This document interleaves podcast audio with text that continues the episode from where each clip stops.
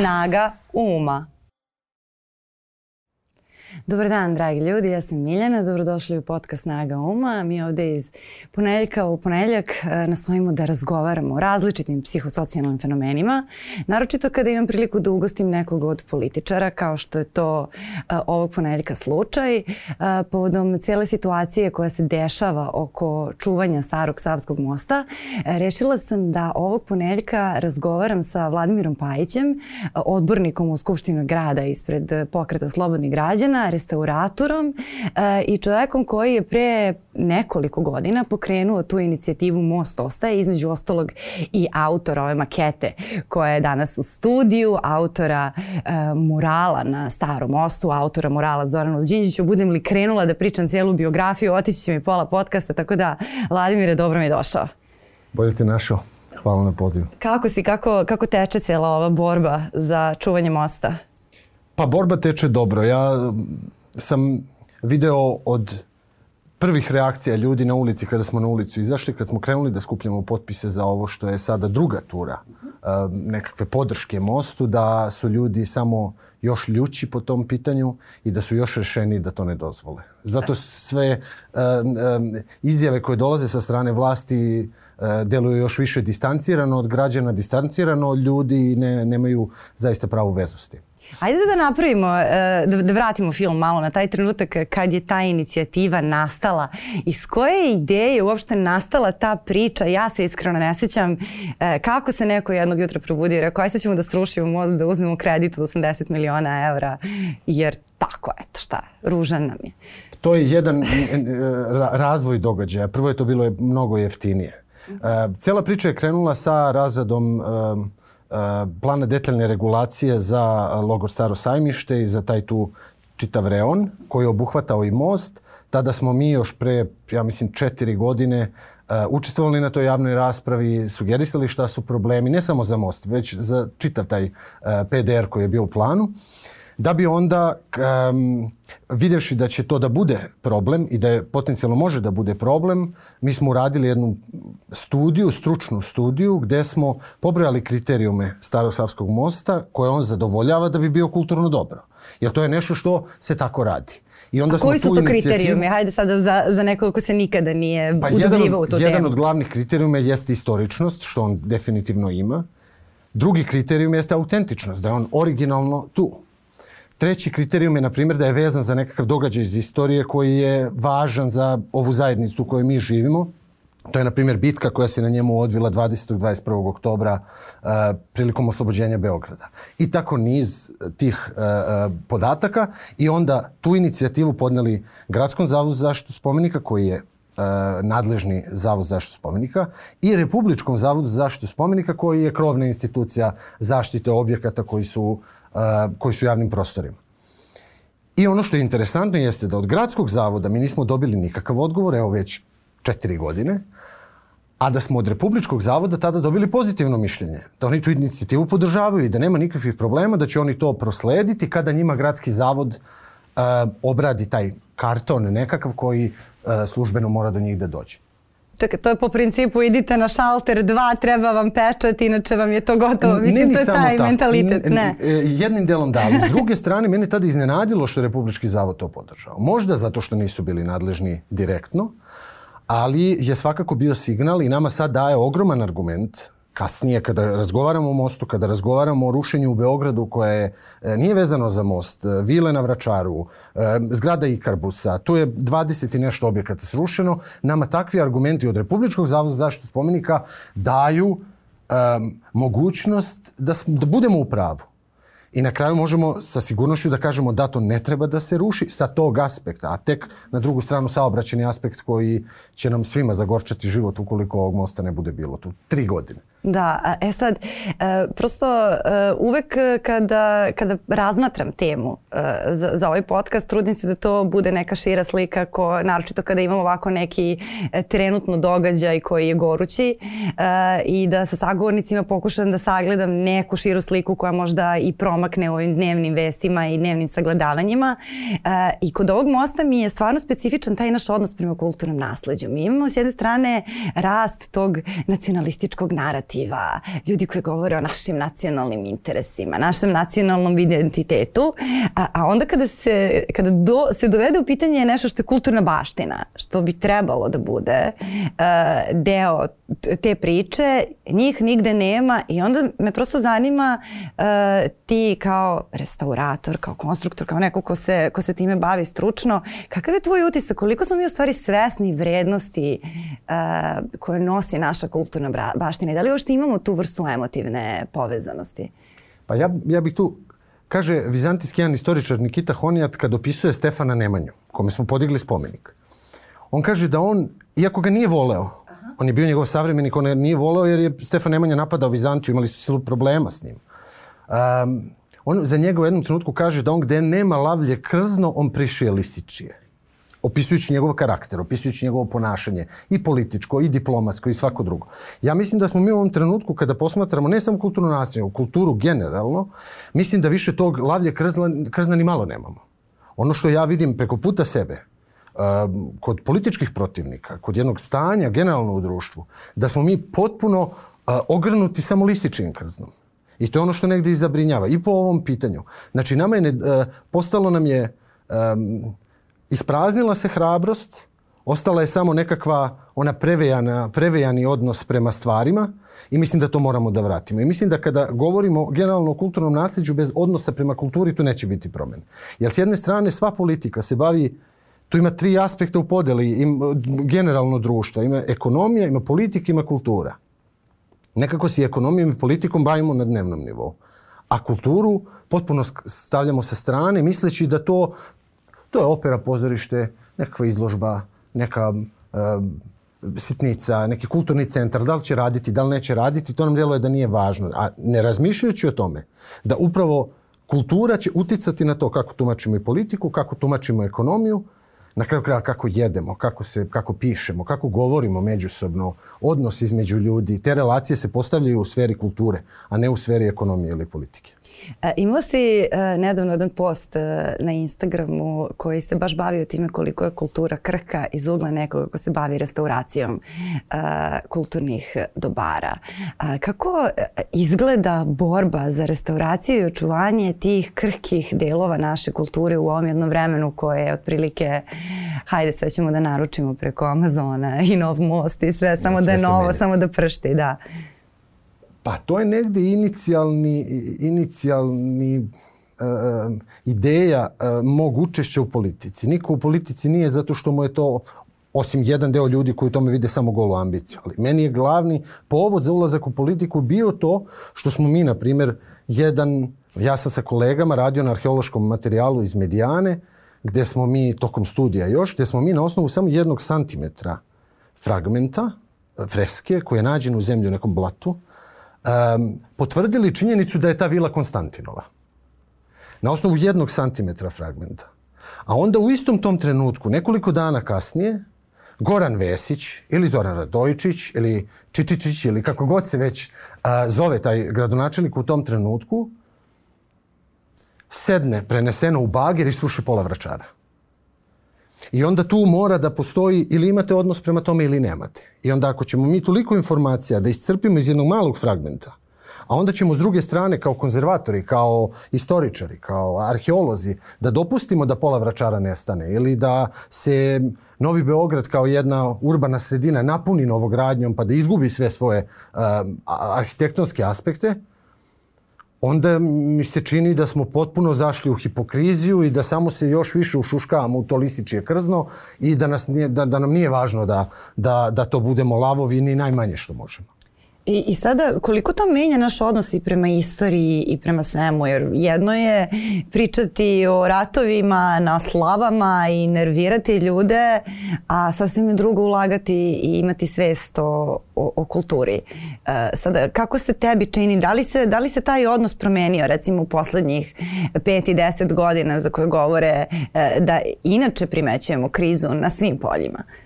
Pa postoji jedna sistematska revizija istorije, to je ono što je negde um, osnova ove vlasti u posljednjih deset godina. Ja to vidim kao jednu sistematsku reviziju istorije. Mi smo na prošloj sednici Skupštine, ali to stvarno moram da pomenem, možda nije prilika, ali uh, to je odraz toga da mi na, u Skupštini grada sto i, i, i kusur ljudi koji tu sede slušaju kako predsjednik Skupštine Nikola Nikodijević, a onda toga Bakarec, kao jedna figura, a, veličaju socijalnu politiku Slobodana Miloševića, I to onako vrlo je veličaju i veličaju 90 i veličaju to vreme kao da je to najbolji period koji je to um, uništen zato što je to neko, neko tako hteo od 2000. godine. Kao da ratova nije bilo, kao da bombardovanja nije bilo, kao da kosovskog pitanja nije bilo, kao da nije bilo uh, raspada Jugoslavije. Sve se to tako lako preskoči i onda mi je um, interesantno da ćemo mi s jedne strane u Beogradu skinuti tablu Slobodanu Seleniću, neko će to da počupa, to prosto nije važno, a onda će neki huligani, policija, grad da čuvaju uh, mural, na primjer, Ratku Mladiću. Tu mi vidimo odnos. Jel, tog Selenića niko ne čita, nije ni važno. To ako se skloni, kad se vrati, vrati se. Ako se i vrati uopšte, to niko neće ni primetiti. A oko tog murala je toliko priče bilo i toliko je, e, su mediji bili posvećeni tome zato što jeste simptomatična ta, ta situacija. Naročito nakon što je mural Zoranu Đinđiću koji si ti e, oslikao vrlo brzo demoliran Super. i da. I sad e, mislim šta, šta nam to šta nam to govori? To je neka istorija naše kulture u nastajanju. Mi sada ima, živimo jedan kulturološki trenutak u nastajanju? Koje su njegove odlike između ostalog? Šta misliš da bi, ne znam, za, za 200-300 godina da posmatraš, da posmatraš ovo društvo i šta je ostalo od tih murala Ratku Mladiću, od tog demoliranog murala Đinđiću? Šta bi, šta bi rekao? Kako bi ti mi izgledali? Pa ja mislim da će se to posmatrati kao jedna dekadentno parče istorije nečega što je nekad bilo veliko. I nažalost je tako. Ja mislim da ćemo mi stvarno u naredne godine su nam tu zbog toga da, to, da taj tok promenimo. I to što ide na dole da krenemo da vraćamo polako sukcesivno da dobijamo neku drugu formulu društvenu gde možemo da razgovaramo o kulturi, jer ukoliko ovako ostane, vi kad pogledate velika carstva, istorijske te podatke, vidite da pri kraju svih velikih društvenih projekata, ako tako razmišljamo o ovome što mi sad živimo, da imate tako nekakve bezvezne, skoro pa smešne, groteskne likove koji pokušavaju da žive nekakvu ogromnu istoriju koja je njima navaljena na leđa. I to se vidi sad gde god da pogledate od ljudi na vlasti. Oni svi imaju e, na svojim leđima, na svom vratu nekakav ogroman istorijski trenutak koji oni moraju da podnesu, a u stvari ne mogu da ponesu kesu jabuka. E sad, da li je možda potrebno reći da istorija jednog naroda nije samo istorija ratovanja, nego da postoji istorija kulture, istorija obrazovanja, nauke? Mi, ne, u poslednje vreme, kao kad se kaže istorija, to je istorija ratovanja, kao da... Da, da pa ja bih rekao da je istorija prvenstveno istorija umetnosti. Jer ako gledamo da je uh, bilo koje ljudsko stvaranje kao osnovna potreba, kao neka uh, definicija toga šta čovek jeste i šta ga razdvaja od majmuna ili od neke gliste ili od puža, jeste to da ima nekakav poriv za stvaranje, razum. Što kaže ono u Antio, bogovi oči daju razum ljudima od sveg blaga što je blago najveće. To je još Bekim Fehmiju pričao. Onda ako nam je to tako, onda istorija ne može da bude samo istorija krvoprolića. Možda tu jesu važni ključni periodi kada je dosta ljudi stradalo, kad se politički formulisalo nešto. Ali paralelno s, s tim, iza kulisa tog rata razvija se jedna istorija koja je bazirana na ljudskom stvaranju i koja je mnogo važnija. Mnogo važnija čak e, kada pogledate crteže e, zarobljenika, partizana iz drugog svjetskog rata. Veliki broj slikara je učestvovao tada u ratu. Kad pogledate francuske slikare koji su uh, učestvovali u prvom svjetskom ratu, pola njih izginulo tamo, te poznate škole koje smo mi u Parizu tad znali, vi vidite da su oni taj poriv za stvaranjem i za da nacrtaju nekoga ko je pored njih, da opišu to, da napišu pesmu. Sve se to dešava i u rovu i kad sedite kući sa cvetnim tapetama i, i uh, pijete kafu. Znači, poriv je isti, a, a dešava se u svakom, u svakom e, trenutku e, te iste istorije o kojoj, o kojoj govorim. A je li iz istog poriva e, ti ideš da na, na hladnoći uh, oslikavaš murale za koje velika šansa postoji da će već sutra biti demolirani? I, jer inače svako, uh, da kažem, kreativno delo, svako stvaralaštvo je deo nas i onda je veoma, da kažem, osetljivo i stresno kada to neko naruži na bilo koji način. Naročito kad se to desi od strane žulje. Kako izgleda taj proces? Pa ja mislim kad su ti murali u pitanju, naročito kad je u pitanju Zoran Đinđić, mi smo bili spremni na to. To je bilo, bio jedan uh, umetnički, stvaralački performans, da se to izvede, da to tamo postoji, ali isto tako jedan politički stav koji je morao u ovom gradu da bude izrečen. To je da uh, Zoran Đinđić mora da ima svoje mesto u ovom gradu kao kontra ljudima koji se upravo sada veličuju, to je Slobodan Milošević, Ratko Mladić, Radovan Karadžić.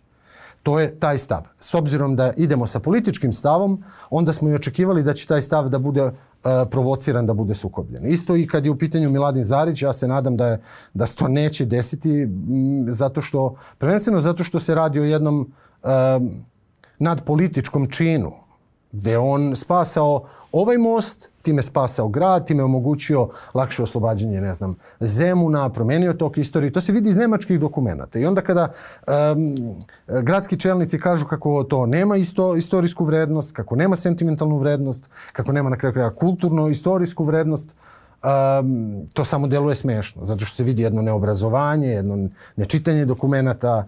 Um, ja tu vidim tu, tu tačku. A, a postoji ta tendencija da se politički balansira pa da se sada verovatno zbog te, zbog te tendencije koju nameće vlast da, da se teme mere prema ne znam istraživanjima javnog mnjenja i da se govori samo o onome što je deo hajpa.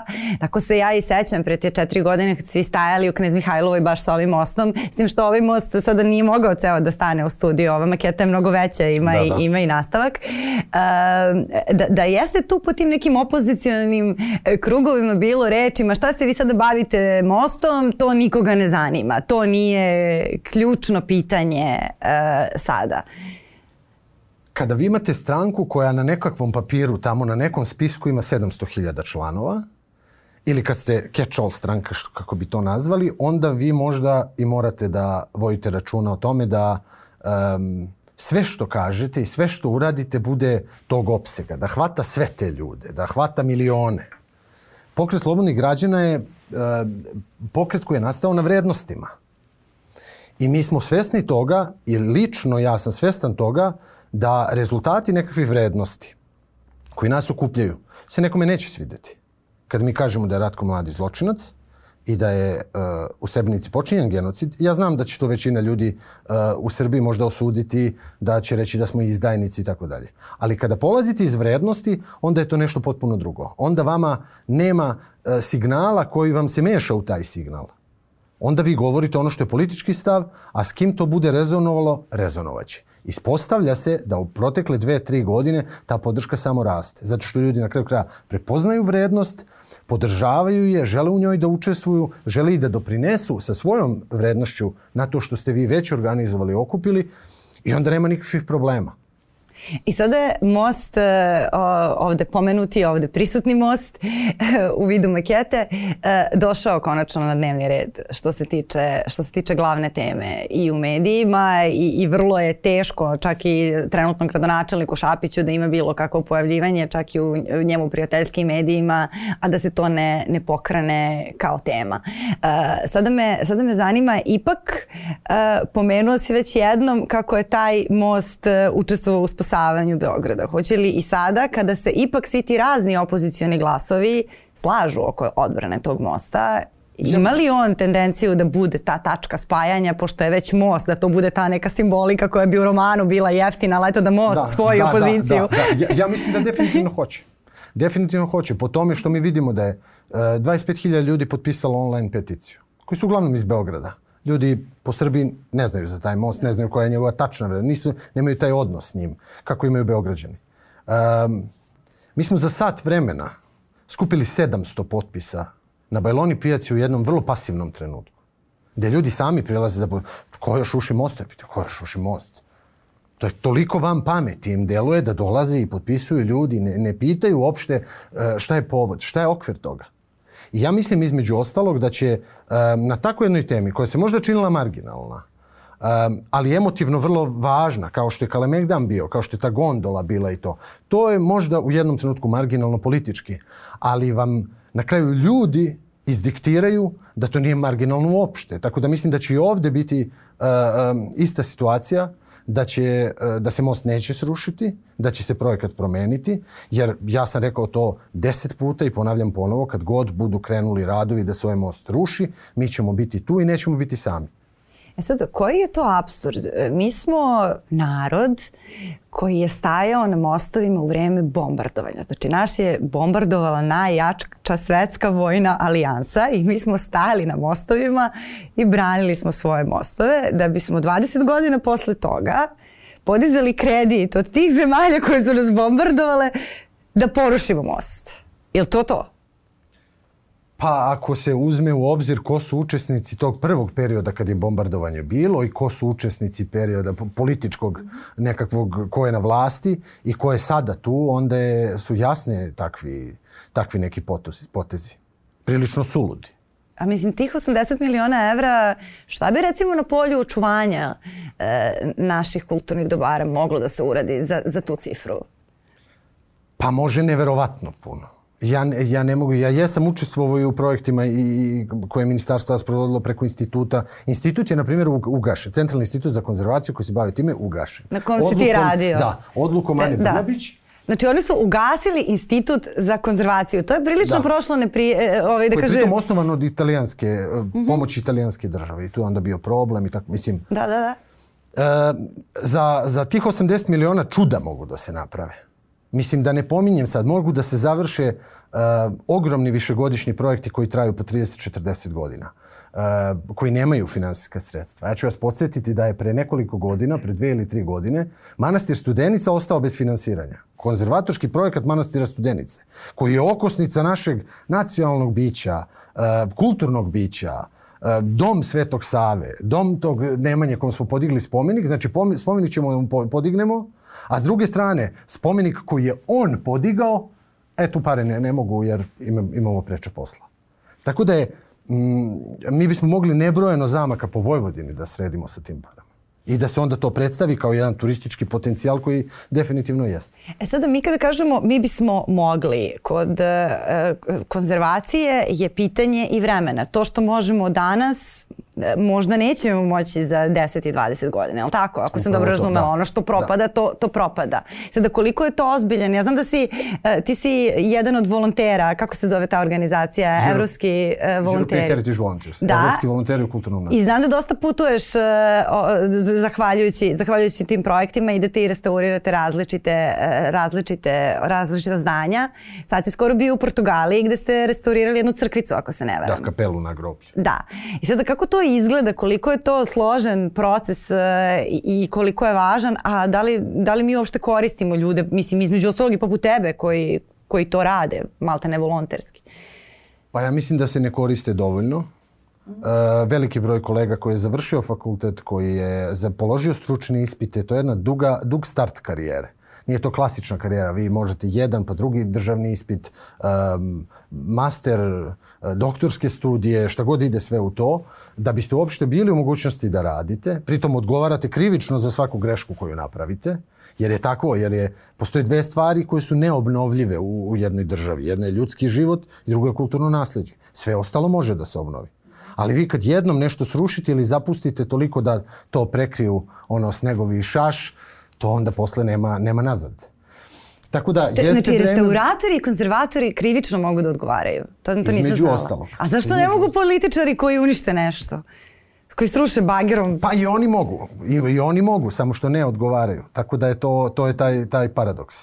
Mislim, redko se odgovara zaista, ali postoji e, etička komisija koja može da vam oduzme licencu, dobijate licencu ka, kao lekari, kao to. A što se tiče volontiranja, ja mislim da je tu e, takvim organizacijama upravo i ovo pitanje e, koje je postavljeno, pokrivena jedna rupa koja postoji ne samo kod nas, nego i u Evropi, da se ljudi koji imaju vremena i koji vole to, koji vole kulturno nasljeđe, iz bliskih su um, struka, iz istorije, iz arheologije, arhitekture, da se uključe direktno u rad na nekom uh, objektu kulturnog nasljeđa, pa na primjer nek to bude ta kapela iz nekog malog sela u pustinju u Portugalu, um, onda će doći neki konzervator kao što sam ja, pa ću ja tamo držati predavanje nedelju dve dana. Oni će se uh, uh, krenuti da rade I onda će da shvate važnost toga. Pa onda sa pozicije sobstvene u, u društvu, u kojoj su u svojim matičnim zemljama, a to je širom sveta ljudi se dolaze, zaista učestvuju u tome, onda mogu da pričaju tu priču dalje. Koliko je to važno, zašto je važno sad, a ne za pet godina. A onda s druge strane mi ovdje imamo istorijski najmanji budžet za kulturu, zajedno sa informisanjem, pa onda sve to zajedno istorijski minimalno. Tako da je to jedna priča koja ukoliko se nastavi na ovaj način sigurno neće imati dobar kraj, a s druge strane ja sam optimističan zato što vidim da ljudi reaguju, da im to nije a tako neka marginalija, nego su zaista posvećeni tome, rešeni i prilično, e, kako bih rekao, besni. I to me raduje. E sada, a, pomenuo si stav pokreta slobodnih građana u vezi sa Srebrenicom, u vezi sa istorijskom ulogom Ratka Mladića i tu nije nešto što vi, vi krijete, to je deo vašeg političkog programa koji je vrlo otvoren. E sad, ovde je prije nekog vremena gostovao Paron I on je govorio kako su to neke teme kako u Srbiji možda nikad neće zaista do kraja doživeti cancel kultura kao na zapadu, a, ali da su zapravo to jedine teme koje su zaista od uvek bile cancel i delile su, delile su našu javnost. E sad, zanima me e, da li e, ove neke inicijative koje se tiču naše kulturnog e, dobra, naše kulturne baštine, koje bi trebalo da budu catch-all politika, mogu da udalje od ovakve inicijative ljude upravo zbog toga što ih plasira, na primjer, pokret slobodnih građana koji govori o nekim drugim stvarima, ono što oni ne misle ili misle suprotno ili imaju potrebu da idu da, da crtaju grafite Ratku Mladiću. Pa ja mislim da ne. Opet kažem, kad, je, kad se jedan stav formira na osnovu vrednosti, onda ima, on ima svoj kontinuitet i onda se on preslikava. Onda on nije za jednu temu ću jedno da pričam, za drugu temu ću drugo da pričam. Zato mi možemo opušteno, ne opušteno, ali možemo jasno da govorimo i o tuđim zločinima, možemo jasno da govorimo i o zločinima u drugom svjetskom ratu, zato možemo da kažemo da ako u drugom svjetskom ratu e, smo stradali, onda nikako ovaj most koji smo osvojili u drugom svjetskom ratu ne može biti nacistički most. Znači to ovo je, e, ako je on osvojen od strane partizana, od strane crvene armije, onda je to najbeogradski most koji može da postoji. Zato što smo vratili naš grad sebi. A ako će e, ljudima koji razmišljaju o tim temama, tako kao nekoj paleti političkoj, gde s jedne strane odnos prema Ratku Mladiću, odnos prema prošlosti, prema pomirenju, e, saradnja sa susjedima, Stari Savski most, e, obrazovanje, ako oni selektivno idu u to... Crni panter. Crni panter, da, u, u, Vojvodini, onda ako idu selektivno u to, um, onda ne bi trebalo to da rade. Zato što u principu politički stav mora da se bazira na vrednostima, mi non stop to govorimo, upravo zato što je onda mnogo lakše politički razmišljati. I onda nećete biti uh, zmija nećete biti ta, to lističije krzno, nego ako vam se stav zaista bazira na vrednosti, vi dobijate to krzno koje je lavlje. E, sada, kako to izgleda u praksi? Kako, kako ti si sada u o, ove sezone postao gradski odbornik, kako izgleda taj uh, život? Dosta smo govorili o tome kako izgleda skupštinski život i kroz šta prolaze poslanici i poslanice uh, opozicije od strane vlasti, a kako to izgleda iza kulisa u, u gradskoj skupštini, naročito kada treba da se nađe na, na dnevnom redu smena Šapića ili priča o mostu ili neka slična priča? Pa ja bih rekao da te sale ispunjava jedna opšta demagogija, to je jedna prazna priča um, sa nekakvim rezultatima koji su vrlo, vrlo mali um, za tolike godine vladavine. To je naravno veličanje uh,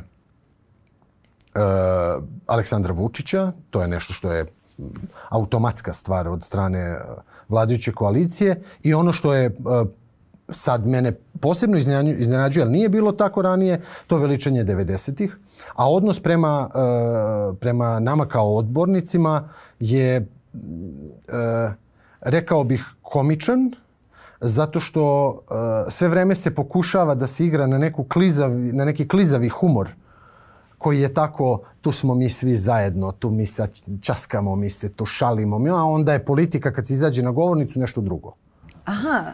E onda je nama tu da kažemo ne, nije drugo, izvinjavamo se, ne može da se priča sa govornice jedno, a onda kad, uh, ne znam, u pauzi se pije kafa, onda da mi budemo nasmejani, ha, ha, ha, i da se e, šalimo i družimo, to prosto ne može tako. A znači u, u Skupštini grada oni ipak žele da, da, da imaju tu neku vrstu kao mi odbornici kolege, zato što u, u, u Skupštini narodno i to je maltene sad ću da ti sipam cijanidu kafu i vrlo onako otvorena, otvorena neprijateljska atmosfera koliko sam uspela da čujem od, od drugih političara vi kad morate tako da se ponašate... Su oni početnici, pa još uvijek nisu, ne, još uvijek ne, nisu ja počeli, mislim da je to du, dugotrajna izloženost mhm. -huh. neprijatnosti.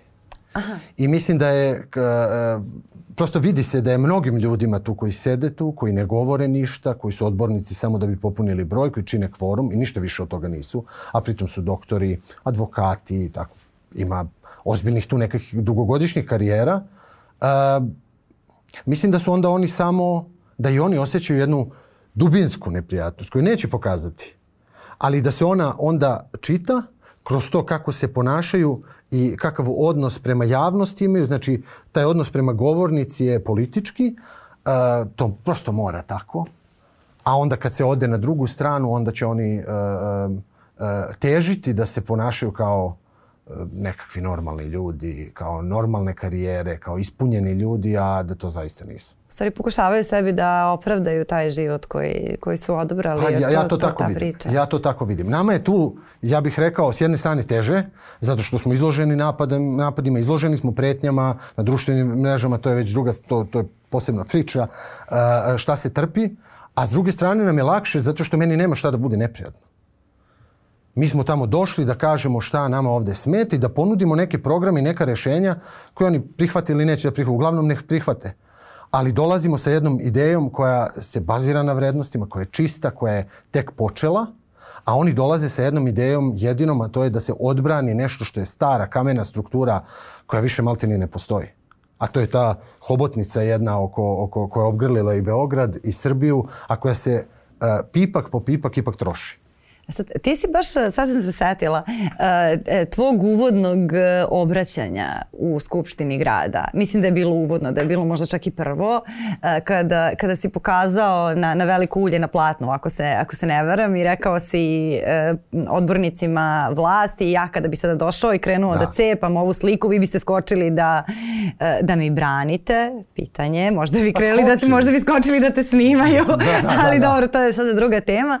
Vi biste skočili da mi branite, tako da nemojte vi da se čudite kada mi vas vučem, budemo vukli za laktove ukoliko budete želeli nešto da, da rušite, prvenstveno verovatno misleći na ovaj ovde, pri, ovde prisutni most. I na most, ali i na sva ostala kulturna dobra i objekte koje zaslužuju da to postane. Meni je tada delovalo kao da su oni tebe stvarno slušali, iskreno. Sada ne znam da li to farsa ili nije, kao da su bili prisutni, da nije bilo onog, one buke recimo koja postoji u uh, Skupštini i slično, kao da da, da su te čuli? Ti su ljudi bili dve godine ili dve i po godine zaronjeni u, u, u atmosferu bojkota. I njima je ta voda bojkota ušla u uši. Jer su oni bili sami u toj skupštini jako dugo. I razmazili su se. I onda, kad, je, kad smo mi nakon a, prestanka bojkota, nakon ovih izbora ušli u skupštinu, ja mislim da su oni bili zgranuti šta se tu dešava. Da tu postoje neki ljudi koji nešto pričaju što je što nije iskontrolisano, što je nešto novo, neki klinci za njih, neki, neki mladi ljudi koji su se tu odjednom pojavili. I naj, ono što ih najviše iznenađuje je što mi izlazimo iz forme klasične politike, jer smo došli iz druge generacije, čisti, bez prethodnih nekakvih pronevera, bez prethodnog, bez putera na glavi. Onda mislim da ih je to protreslo. Zato mislim da su oni slušali, zato što oni nisu, ja mislim da nisu ni znali šta se u tom trenutku dešava. Nisu mogli verovati. Pa nisu mogli da veruju da je, da je to, odjednom u toj sali postoji neko osim vladajuće. Gle, imamo demokratiju. E, sada, e, svaki put kada Makar se prividno. svaki put kada se desi neka inicijativa protiv, protiv vlasti, protiv koje se pobuni javnost, nekako tu to sve izgleda kao užičko kolo. Znaš, javnost se, se pobuni, onda se oni povuku, pa sačekaju malo vremena, pa kao dva koraka unazad i jedan unapred. Kao nećemo sad, isto kao sad sa Rio Tintom, evo nećemo, pa kao ja i najgluplji sam predsednik, što sam to, pa, pa se opipava teren. E sad, taj, ovaj most je drugačiji jer e, most, rušenje jednog mosta koji se nalazi u centru grada, ne možete vi da smuljate nekakvim aktima ispod stola i da zatrpate pričama o, o ne znam, e, teškom vremenu i, i ovome onome, vi fizički morate da srušite taj most dinamitom. I to a, ne može da se desi negde daleko od očiju javnosti, to će da se desi, U to centru. mora da se desi tamo gde je most, dakle gde su sve redakcije, gde su svi ljudi, gde, gde svi mogu maltene to da vide s prozora. Da li je to u startu uopšte bila realna zamisao njihova?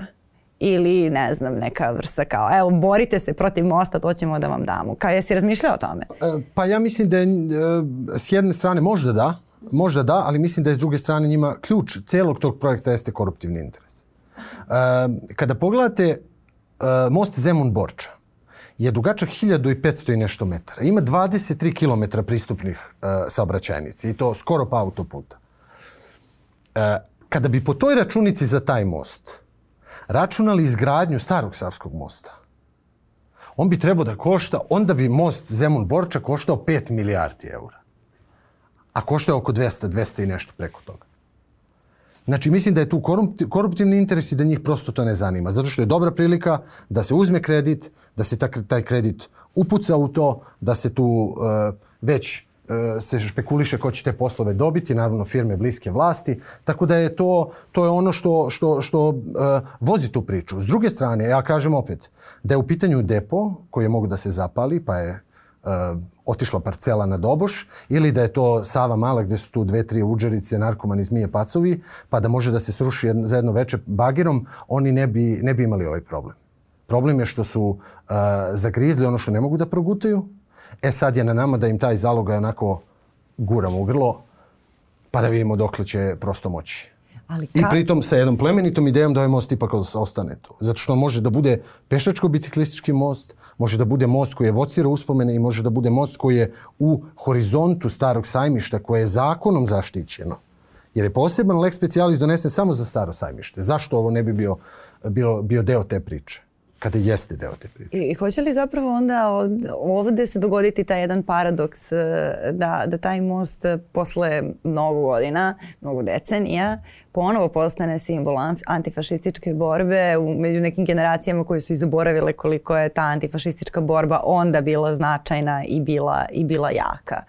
Jer mislim da možda, ne znam, pre 6-7 godina da se napravi anketu po Beogradu, e, ovaj most e, odakle je, koga je podigao, iz koje je priče da ljudi ne bi znali do te mere da je to most koji je e, odbranjen u antifašističkoj borbi kao što to znaju danas. Ili se varam, ili ja to sad na, na osnovu svog nekog. Pa veliki deo rada u kulturi jeste emancipacija. Stvarno jeste. I mi ogroman deo svog vremena ulažemo u to da pričamo o tom mostu. Svima sa kojima e, razgovaramo, mi, mi im govorimo zašto je on važan. Da nije važan zato što je to se zvalo princ, e, most princa Eugena. Beograd se zvao grad e, princa Eugena tokom drugog svjetskog rata. Znači, ne treba da srušimo Beograd zato što je tako zvalo. Nego da pričamo o slojevima kulturnim koje Beograd e, sadrži i da mi sve te slojeve moramo da čuvamo. Kao i na Kalemegdanu, kao tu, kao na Vračaru. To je ovaj grad. To je istorija ovog grada i na kraju kraja kultura ovog grada jeste slojevita i može da se čita beskonačno dugo i u njoj e, mnogo saveta ima, u njoj mnogo e, nekakvog e, zvuka ima koji može da se prihvati, da se onda on sluša i da se u skladu sa tim gradom koji svi mi živimo, da se ide dalje. Sad si mi dao jako, jako dobro u stvari šlagor pošto privodimo i, i ovu kafu kraju, a žela sam da, da, da nekako zaokružimo priču e, i, i da damo e, taj neki realan uvid u to kako izgleda život u jednom gradu kada imamo svest o tom svom kulturnom nasleđu i kada imamo odnos prema tome. Zato što možda u, tokom poslednjih godina stvarno, ne poslednjih godina, verovatno ceo naš život. E, upravo i zbog te korupcije, zbog tog nekog lošeg odnosa prema državi, zbog tog lošeg odnosa i prema plaćanju poreza, što nikad nemamo moći da dobijamo ono za šta, za šta plaćamo. E, sve više gubimo i taj odnos prema onome što je, što je naša kultura, ali to ne bi trebalo da bude. I onda bih voljela malo da daš jedan osvrt, tvoj stručan iz tog ugla. Kako izgleda tvoj život? A, pa ja sam neko, ja sam poreklom iz Kraljeva. Meni Beograd nije rodni grad. Ali ja mislim da Beograd stvarno pruža uh, široko polje za svakoga da iz njega uzme ono što, što uh, hoće. Um, I stvarno širi ruke za sve lične uh, ideje, ambicije, za lične prostore, za lična ponašanja, kakva god da, da hoćemo da imamo. S druge strane, mislim da je uh, i taj odnos prema javnom prostoru koji mi imamo, uh, s kojim imamo problem, mislim da je delom i, i, i zbog um, virtualizacije, zbog interneta, zbog odvajanja, um, zbog prosto jednog uh, smart osjećaja koji svi imamo, svi smo viralni um, i u tom u toj dihotomi ta dva, te dve prirode koju, koja nam se sad meša, uh, često odbacimo ovu prvu. A ne shvatajući da bez te prve ova druga uh, zapravo neće ni postojati. Jer ne možemo u sobi da provedemo 24-7 100 godina, to prosto neće biti. Ipak Sava ima svoj značaj, Dunav ima svoj značaj, Labud u Zemunu ima svoj značaj ili ne znam, neki mali kafić, kafa, dobra priča, to je Beograd. Hvala ti mnogo na, na, na ovom razgovoru. Nadam se da ti je ovaj, proletelo i da, da. da ovaj, ja sam žela zaista da damo možda jedan malo širi osvrt na, na ovu temu upravo zbog svog tog spinovanja i zbog nekih eh, dubljih posledica koje ono bi možda moglo da ostavi ukoliko se ne sagledava s vremena na vreme na ovaj način. Nadam se da se vidimo ponovo nekom prilikom. A hvala i vama na vremenoj pažnji. Danas je ovde sa nama razgovarao Vladimir Pajić. E, nadam se da ste možda malo dobili neke i nove informacije, ne samo o našem mostu, nego i o tome kako možete da razmišljate o svom kulturnom nasledđu, jer sve ovo o čemu smo pričali je na neki način naše, na svaki način naše. A, a mi smo tu i sledećeg ponedeljka na Nova RS. Prijetno! Thank.